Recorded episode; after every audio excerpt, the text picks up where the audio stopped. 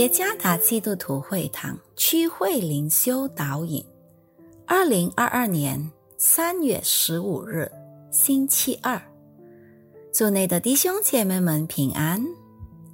今天的灵修导引，我们将会借着圣经希伯来书第九章二十八节来思想今天的主题：美好的恩典。作者。复活节传道，希伯来书第九章二十八节。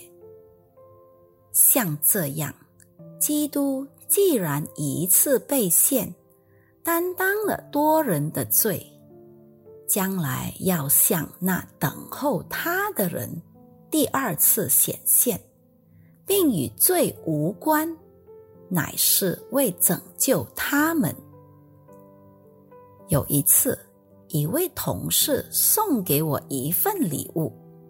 当拆开礼物的时候，我相当惊讶，因为礼物竟然是一块昂贵的手表。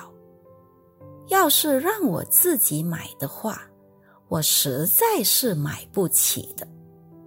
但是我的同事却把它送给我，这就是恩典的写照。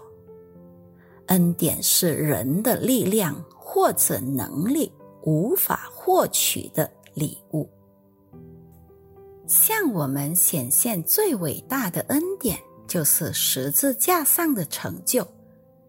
基督担当了我们全人类的罪孽。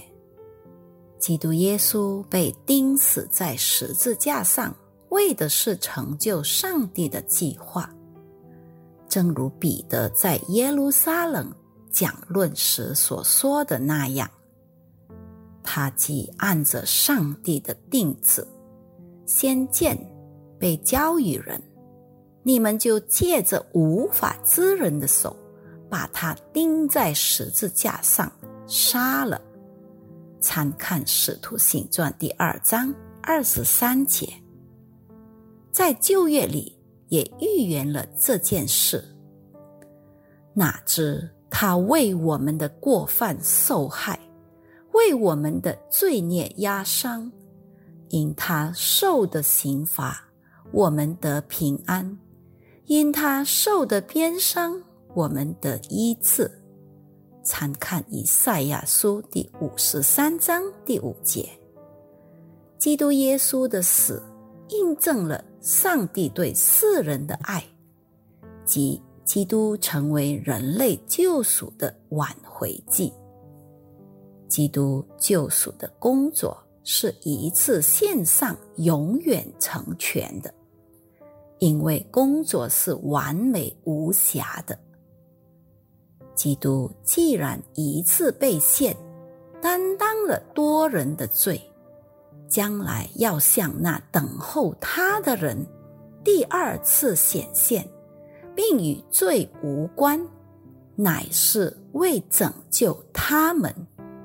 参看希伯来书第九章第二十八节。作为得救赎的人，让我们以实际行动来回应上帝的爱。牺牲自己的生命不是一件普通的事件，这是一个非常伟大而真诚爱的证据。回应上帝对我们的爱，不仅是借着牺牲生命，还有其他很多具体的行动来表达我们对他人的爱。从我们的周围环境开始。如果有人在经济上需要帮助，我们是否已经帮了他一把呢？如果有人需要我们的时间，我们是否愿意付出呢？无需知道我们将帮助的是谁，来自什么种族、宗教背景等，我们是否已经体会？并回应基督耶稣在十字架上为我们牺牲的意义呢？让我们从身边的小事开始采取实际行动。因为如果我们用心灵去体会，我们将会发现，我们的周围有很多人都需要我们爱的触摸。阿门。基督已经成为罪人最美好的恩典，让我们透过我们生活中的实际行动来传递上帝的恩典。